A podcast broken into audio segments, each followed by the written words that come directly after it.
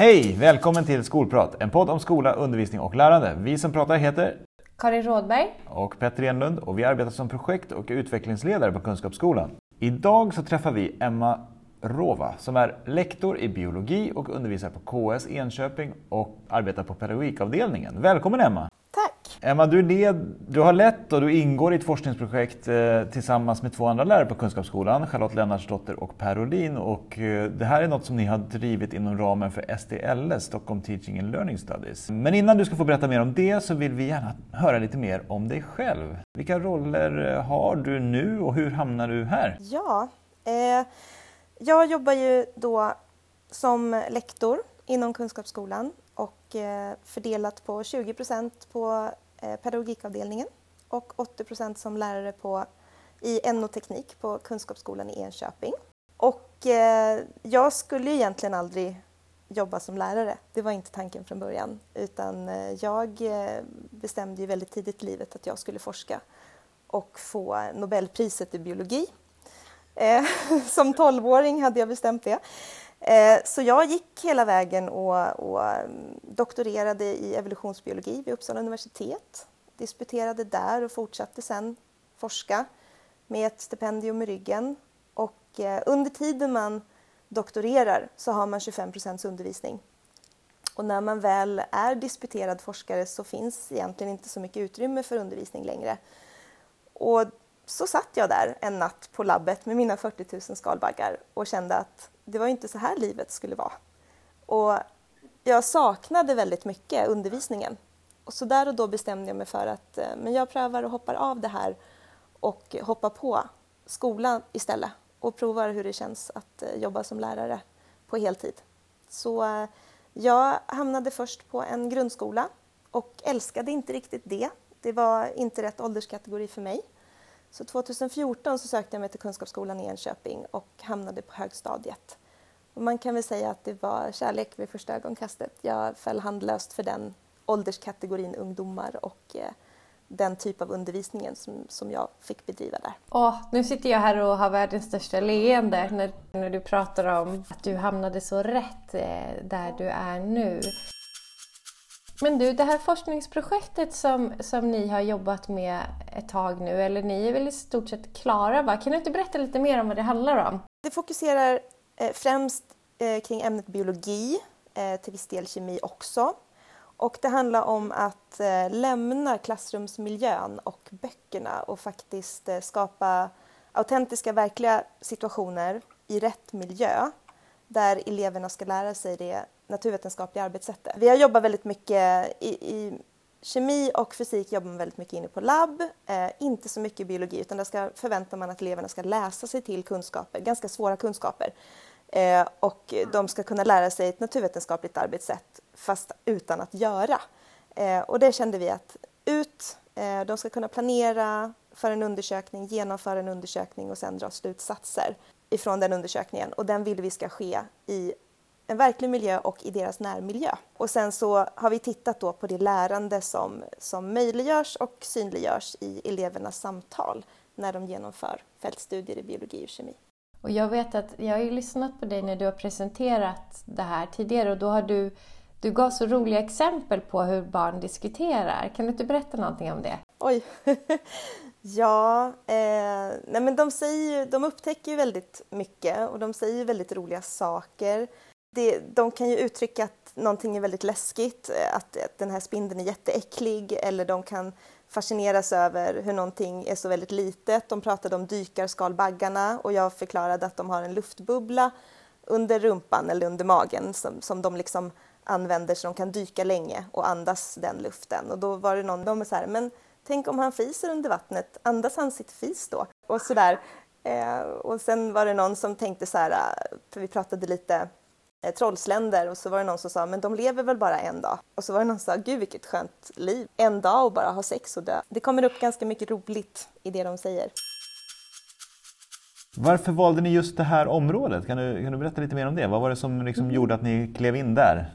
Jag kände ju ganska tydligt när jag, när jag kom in i skolans värld, i grundskolans värld ifrån universitetet, eh, att det var en så enorm skillnad på biologiundervisningen.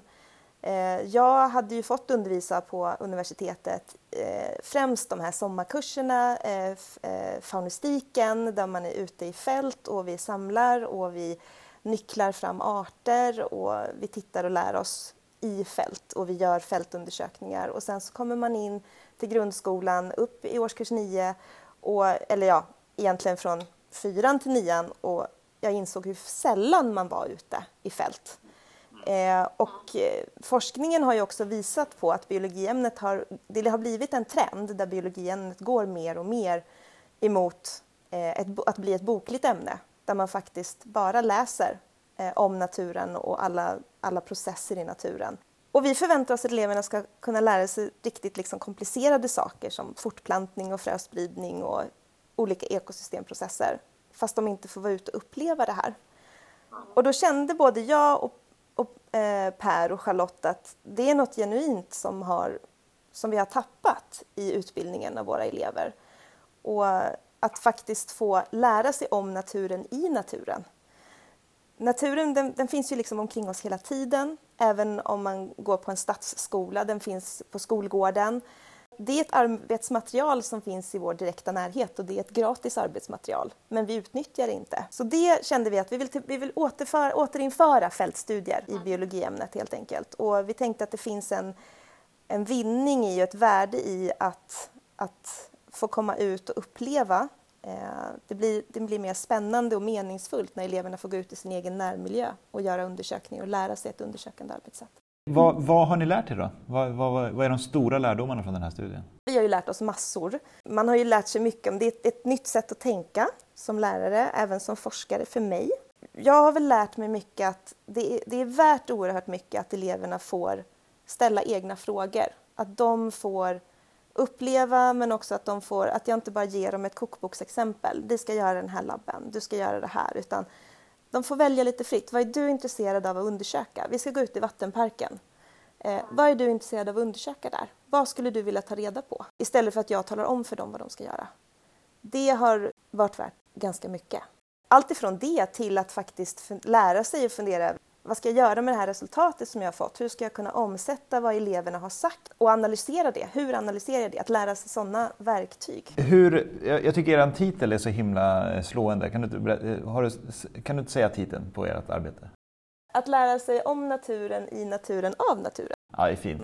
Och, ja, det är just det där liksom att det är, när vi har saker framför oss så är det så mycket lättare att beskriva och förklara och skapa en förståelse och ett intresse såklart. Ja, men jag är ju scoutförälder. Jag är inte scoutledare men jag är en sån här förälder som är med ibland och hjälper till.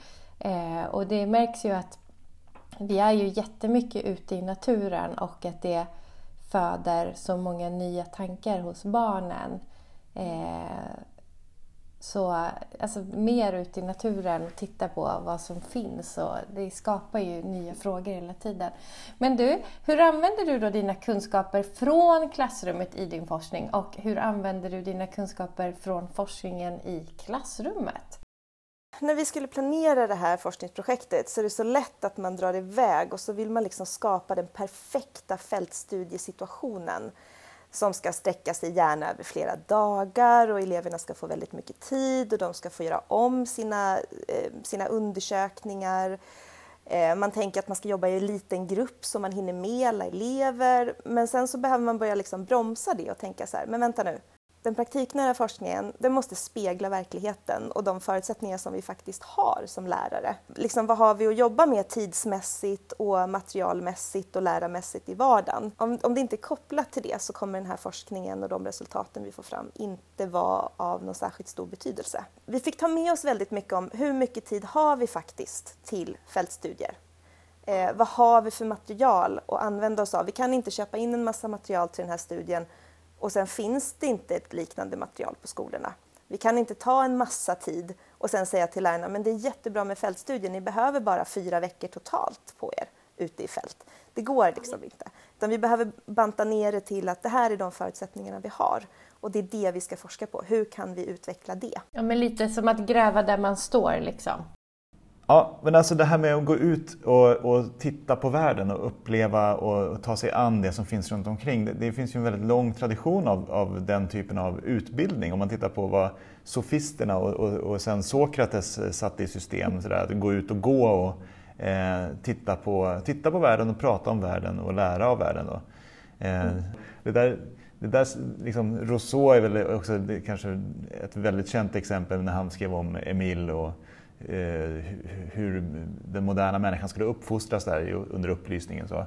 Mm. Eh, men skulle du säga att den här strukturerade formen eh, av, eh, av fältstudier som, som, som ni nu har liksom beforskat, eh, Mm. Är, det, är det gammalt eller nytt? Liksom? Eller var, var, befinner vi oss nu i, den här, i det här samtalet? Liksom? Ja, alltså jag skulle säga lite både och faktiskt. Ja, det är ju lite tillbaka till det gamla sättet att lära sig. Vi har blivit så himla inrutade på att allt ska läsas in. Det funkar för en viss typ av elever eller en viss typ av människa. Men det finns andra typer av människor som lär sig bättre genom att få göra och uppleva.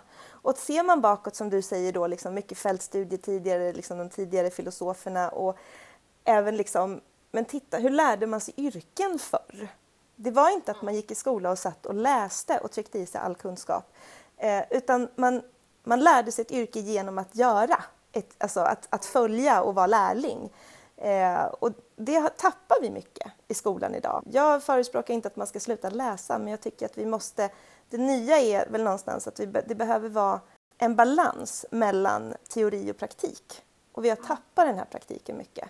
Det är jättesvårt att lära sig saker genom att bara läsa. Jag hatar till exempel instruktionsböcker. Jag vägrar att titta på instruktionsböcker för jag, det knyter sig i magen på mig när jag ser dem.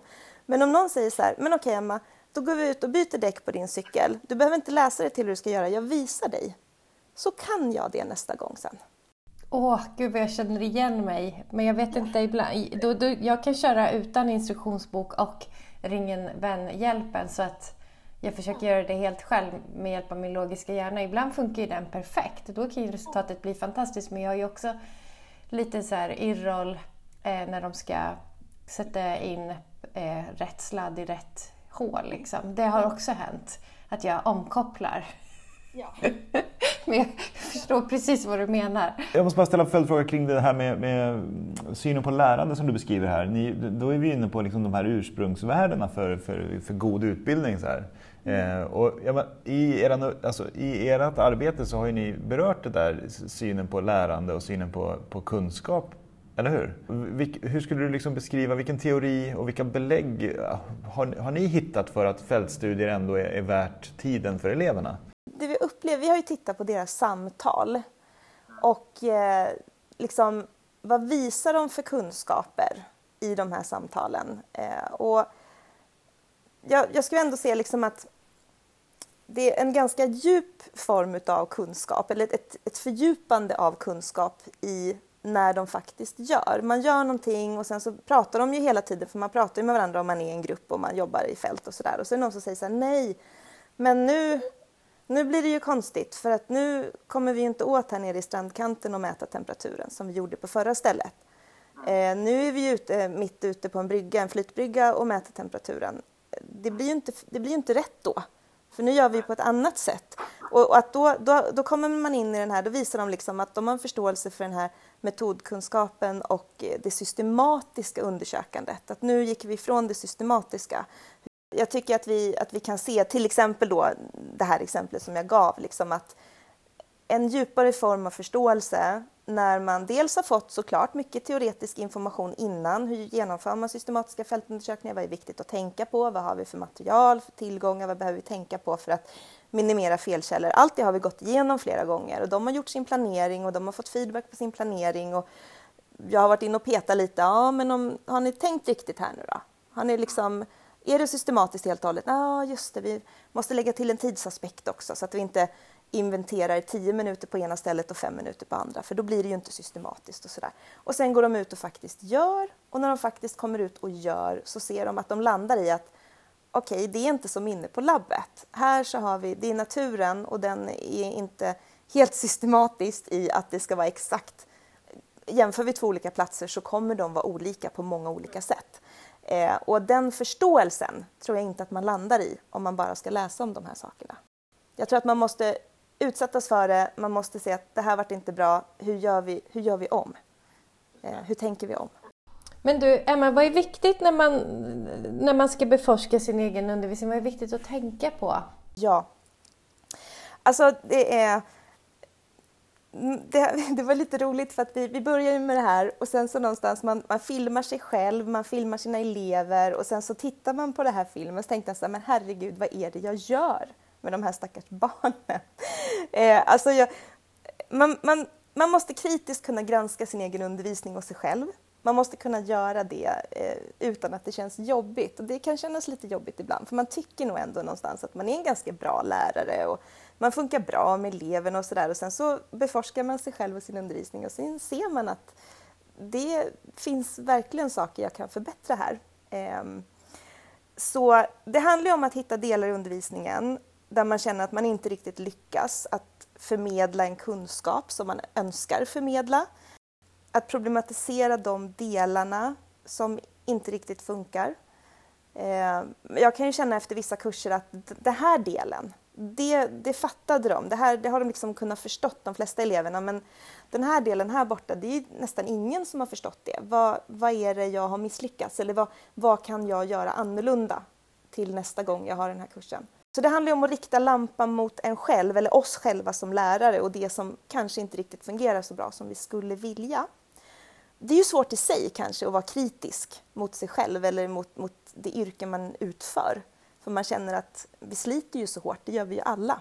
Men man måste värdera sitt eget arbete, man måste förkasta sånt som är invant och våga pröva något nytt för att det ska kunna ske en utveckling. Och ibland så känns det som att vi har ju hela, vi har ju liksom alla strålkastare riktade mot oss, eh, vi lärare. Det är Eh, det är politiker, det är föräldrar, det är andra forskare, universitetsforskare, det är elever och, och PISA-resultaten dalar och vi har inte tillräckligt höga eh, poäng på de nationella proven och så vidare och så vidare. Eh, och sen så kommer det så himla mycket så här, ah, lärarna gör inte tillräckligt bra jobb, ni måste göra på ett annat sätt. Och så här, det är så många som talar om för oss att vi ska göra på ett annat sätt. Och jag känner så här, om vi ska liksom äga vår profession eh, och kunna utveckla den, då måste vi, liksom, då måste vi forska. Vi måste beforska. Vi måste genomföra skolforskning. Vi måste kritiskt granska oss själva. Och det är lättare att göra det själv än att andra ska göra det och tala om för mig vad jag inte gör bra. Eh, genom den här forskningen som jag har gjort med, med Charlotte och Per så har det varit så här, jag har, jag har sett saker som jag definitivt kan utveckla. Eh, och det är så mycket lättare att så ja, landa i det. Jag har beforskat det här. Jag har hittat saker som jag kan ändra på personligen som lärare men också i min undervisning. Eh, och faktiskt att få fram ett resultat som vi kan presentera och jobba ut efter. Det är vi som ska vara kritiska eh, med syfte att bryta invanda mönster, bryta ny mark och utveckla vår profession. Eh, ta bort det från andra som bara, som bara har negativa saker att säga. Det, det, låter som att det är ett ganska så, jag ska man säga så här, eh, genomgripande. Alltså för, för dig som, när, för, som lärare använder man ju sin person väldigt mycket eh, som, ja. som arbetsverktyg. Och, och, då tittar du väldigt mycket på hur agerar du i klassrummet eller i det här fallet ja. ute i skogen. Då. Ja. Eh, men, eh, och, och, det låter som ett ganska så här omvälvande arbete som du har gjort. Liksom. Jo, men alltså det har varit, för mig har det varit en så här, verkligen eh, öppnat mina ögon. Som sagt, jag, jag funkar bra med de här eleverna. Jag, jag gillar ju den här ålderskategorin. Vi tycker om varandra, vi trivs bra ihop och så. Eh, och, och, de lär sig ju bra liksom. Men jag, har ju, jag märkte i det här projektet att jag curlar ju oerhört mycket. Inte bara hemma med mina egna ungar utan mina ungar i skolan. Alltså det är så här, Eh, de upptäcker något, de tittar på något, de ska slå i någon bok liksom och så är jag där och gör det åt dem. För att jag är så himla, jag blir så lycklig när jag ser att de vill lära sig något eller de håller på med något som det är tänkt att de ska hålla på med. Och så blir jag så här, åh, jag ska gå in och hjälpa. Och så gör jag, jag det har varit jättetydligt, så här, jag gör ju för mycket. Istället liksom, ta ett steg bakåt, uppmuntra. Eh, ja, men alltså uppmuntra med öppna frågor, uppmuntra med, ja men nu är det på rätt väg här, nu är vi inne i...” bland spindeldjuren här i, i den här boken. Liksom. Nu börjar vi närma oss istället för att liksom, ta boken, börja bläddra och visa här, den här spindeln är det. till exempel. Så det har varit väldigt så här, lärorikt att jag behöver ta ett steg tillbaka och inte göra jobbet åt dem. Nej, och det, det finns ju, det finns ju tydliga... Alltså elever som tänker på det vi vill att de ska tänka på eh, lär sig ju mer av det som, som de eh, ska lära sig om de också får brottas med lite sådana svårigheter. Okej, okay, eh, om du jämför den forskningen som du bedrev när du doktorerade och den forskning du nu har bedrivit här i, liksom, i, inom i ramen för din profession som lärare. Mm. Vad skulle du säga är de stora likheterna och stora skillnaderna?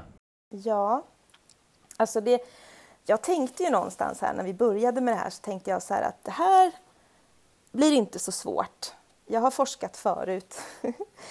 Men Eh, det naturvetenskapliga arbetssättet och alltså forskning, att forska naturvetenskapligt kontra att forska pedagogiskt och didaktiskt är ju det är två helt olika världar, två helt olika arbetssätt. Eh, och då tänker jag på just hur man samlar in data, hur man analyserar och tolkar data. Eh, inom det naturvetenskapliga arbetssättet då använder man utgrupper. Eh, alltså, jag, jag genomför någonting med en grupp för att jag vill se ett resultat och sen så har jag en utgrupp, en jämförelsegrupp som inte får samma behandling för att jag då ska kunna jämföra. Man, eh, man får liksom resultat i form av p-värden eller sannolikheter och procentsatser. Det är väldigt påtagligt, det blir tydliga gränser för vad som är signifikant och vad som inte är signifikant i ett resultat. När man forskar inom didaktik och pedagogik så eh, jag kan ju inte skapa en utgrupp eller en referensgrupp. Jag kan ju liksom inte tänka att de här eleverna ska få skitbra undervisning och de här eleverna här borta, jag behöver inte säga det till någon, men de kommer få en dålig undervisning. Och för att jämföra sen, det funkar ju inte. Utan här ska man liksom eh, följa en elevgrupp eh, där man har ändrat lite grann på undervisningen och sen så ska man liksom, som jag kände det så här, eh, man liksom analys, analysen den hamnar i någon form utav abstrakt, alltså då ur naturvetenskaplig mening, abstrakt mönster kring vad eleverna har lärt sig eller inte lärt sig utifrån samtal. Eh, den naturvetenskapliga delen i mig är bara så här, skriker inombords. Bara så här, det, det, finns inga p-värden här. Vi har, vi har inga, det, det, är ingen som säger att det här är, är signifikant eller inte signifikant utan det är en känsla i mig när jag analyserar elevernas diskussioner och landar någonstans i att jo, men de har visat att, att kunskaper i det här det var jättesvårt. Det, det var svårt för mig att tänka om att gå från det som var precis till det som var lite mer flytande. Och egentligen så var det först när vi hade analyserat klart resultaten från den första cykeln. Vi, vi har gjort det här i tre cykler då, där man mellan varje cykel har ändrat lite grann på undervisningen. Och, och så ska vi fylla i liksom allt eleverna säger i, liksom i en tabell och sen så ska man koka ner det till liksom kortare meningar och så ska man koka ner det till liksom ord. Och och jag satt, genom hela det arbetet satt jag och tänkte så här, det här kommer inte landa i någonting. Det kommer inte landa i någonting som jag kan använda. Men sen, när vi hade arbetat igenom och liksom analyserat eh, hela första cykeln, då kände jag så här, det, det, var som att det var ett, ett mönster som skapades, så jag faktiskt kunde se. Men de har ju visat kunskaper i alla de här kategorierna. Men det var, det var en långsam omställningsprocess eh, och jag, jag, var skeptisk länge. Ja, men då, det, finns ju, det finns ju en kritik som riktas just mot det här, alltså mot det praktiknära, liksom, eh, alltså, när lärare går in i en sån här aktionsforskning. Eh, mm. så, så, finns det ju en kritik mot att den typen av, av forskning kanske inte riktigt ska betraktas som forskning därför att mm. det inte genererar just de här jämförelsevärdena och man kan inte säga någonting på ett generellt plan och därför så är det slöseri med tid liksom, att ägna sig åt det här. Eh, och, och då, då, de skulle ju kanske svara dig så här och säga att ja, men, du skulle kunna jämföra med någon som inte gör fältstudier bara eh, och se, mm. har dina elever högre betyg än de som, in, eh, de som inte ja. har lika mycket fältstudier till exempel? Eh, vad, vad, du, vad, säger du om den typen av liksom resonemang? Hur skulle du svara? Ja, precis. Eh, jag vill bara börja med att säga att jag skäms för att säga det Petter, men jag var en av dem som tänkte och kände precis så, men jag, jag gör inte det längre. Eh, och jag har lärt mig genom att få göra, genom att praktiskt faktiskt få göra, eh, så har jag lärt mig att man kan forska på det här sättet också. Det är olika, det är, det är enormt olika, men jag tror inte att vi får, vi får inte fastna i att det bara finns en typ av vetenskapligt arbetssätt. Det finns många olika typer av vetenskapliga arbetssätt. Vad gäller om någon av de där naturvetarna skulle komma och säga så till mig, det är bara att jämföra med en annan grupp som inte har varit ute i fält, så skulle jag säga, men det är så mycket annat som skiljer de här två grupperna åt. Då blir det inte ett systematiskt, eh, en systematisk forskning. Eh, de eleverna går på en annan skola, de undervisas av helt andra lärare. Det kan vara en helt annan socialt upptagningsområde. Eh, alltså, någonstans så känner jag, jag vi har använt oss av samma årskull, eh, elevgrupper, skola, samma vad ska man säga, liksom fältstudien, alla har genomgått fältstudien, vi skruvar lite på det för att det ska bli ytterligare lite bättre. Och så tittar vi nästa gång, skruvar lite, tittar nästa gång. Jag skulle säga att det här är ett mer kontrollerat sätt uh, att göra det på, mer jämförbart. Men det är väldigt annorlunda från det naturvetenskapliga arbetssättet, eller liksom forskningen. Ja, intressant, tack för ditt resonemang där. Ja, jätteintressant. Ja, du, om du skulle få skicka med tre stycken handfasta saker som, eh, som du vill skicka med dina kollegor eh, här som lyssnar, eh, som de kan använda i sin undervisning. Mm. Vad skulle det vara, utifrån det du har kommit fram till här? Mm. Jag tänker att upplevelsen är så oerhört viktig för eleverna. Eh, att, att faktiskt praktiskt få göra i alla ämnen. Det känner jag att det är ett viktigt så här, take home message. Ehm, det andra är att skapa utrymme för egna val. Och det kan man också göra i alla ämnen, oavsett om det ska skrivas dikter eller om det ska undersökas någonting i en skog. Så ska, skapa ett utrymme för egna val, men också ge exempel på val för elever som kanske behöver det. Eh, det finns de som blir jätteförvirrade om jag säger du får välja själv. Men att det finns ett, ett, ett utrymme för att få välja själv. Och det tredje tänker jag är att var inte rädd för att vara kritisk mot dig själv eh, eller, eller din undervisning. Att våga vara öppen för att ja, men jag, jag, kanske kan skruva på det här lite, skulle det bli bättre om jag gjorde det? Eller liksom, eh, det, kan bara, det kan bara leda till utveckling och det är det vi vill ha. Eh, vi får aldrig stagnera. Vi utbildar. Så alltid utveckling. Vilka bra handfasta eh, råd, Emma. Och vilket intressant samtal det här är och, och var. Eh, tusen tack för att vi, du delar med dig av dina erfarenheter. Om du får avsluta med att ehm, eh, skicka med ett lästips. Ska vi, läsa din, e, ska vi läsa din rapport då?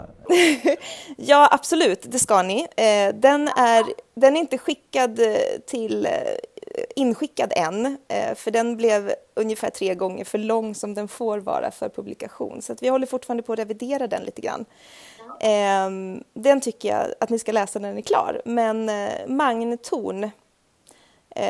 har skrivit väldigt mycket om det här med att fältundersökningar och upplevelser i naturen och ehm, mycket kring det. Jag, jag tycker att Magne har varit väldigt bra och viktigt och intressant läsning i det här forskningsprojektet. Då skickar vi med Mangtorn också till våra lyssnare helt enkelt. Länk i avsnittstexten. Tusen tack för det fina samtalet Emma och eh, på återseende. Ja, tack själva. Ha det bra. Hej då. Hej. Hej hej.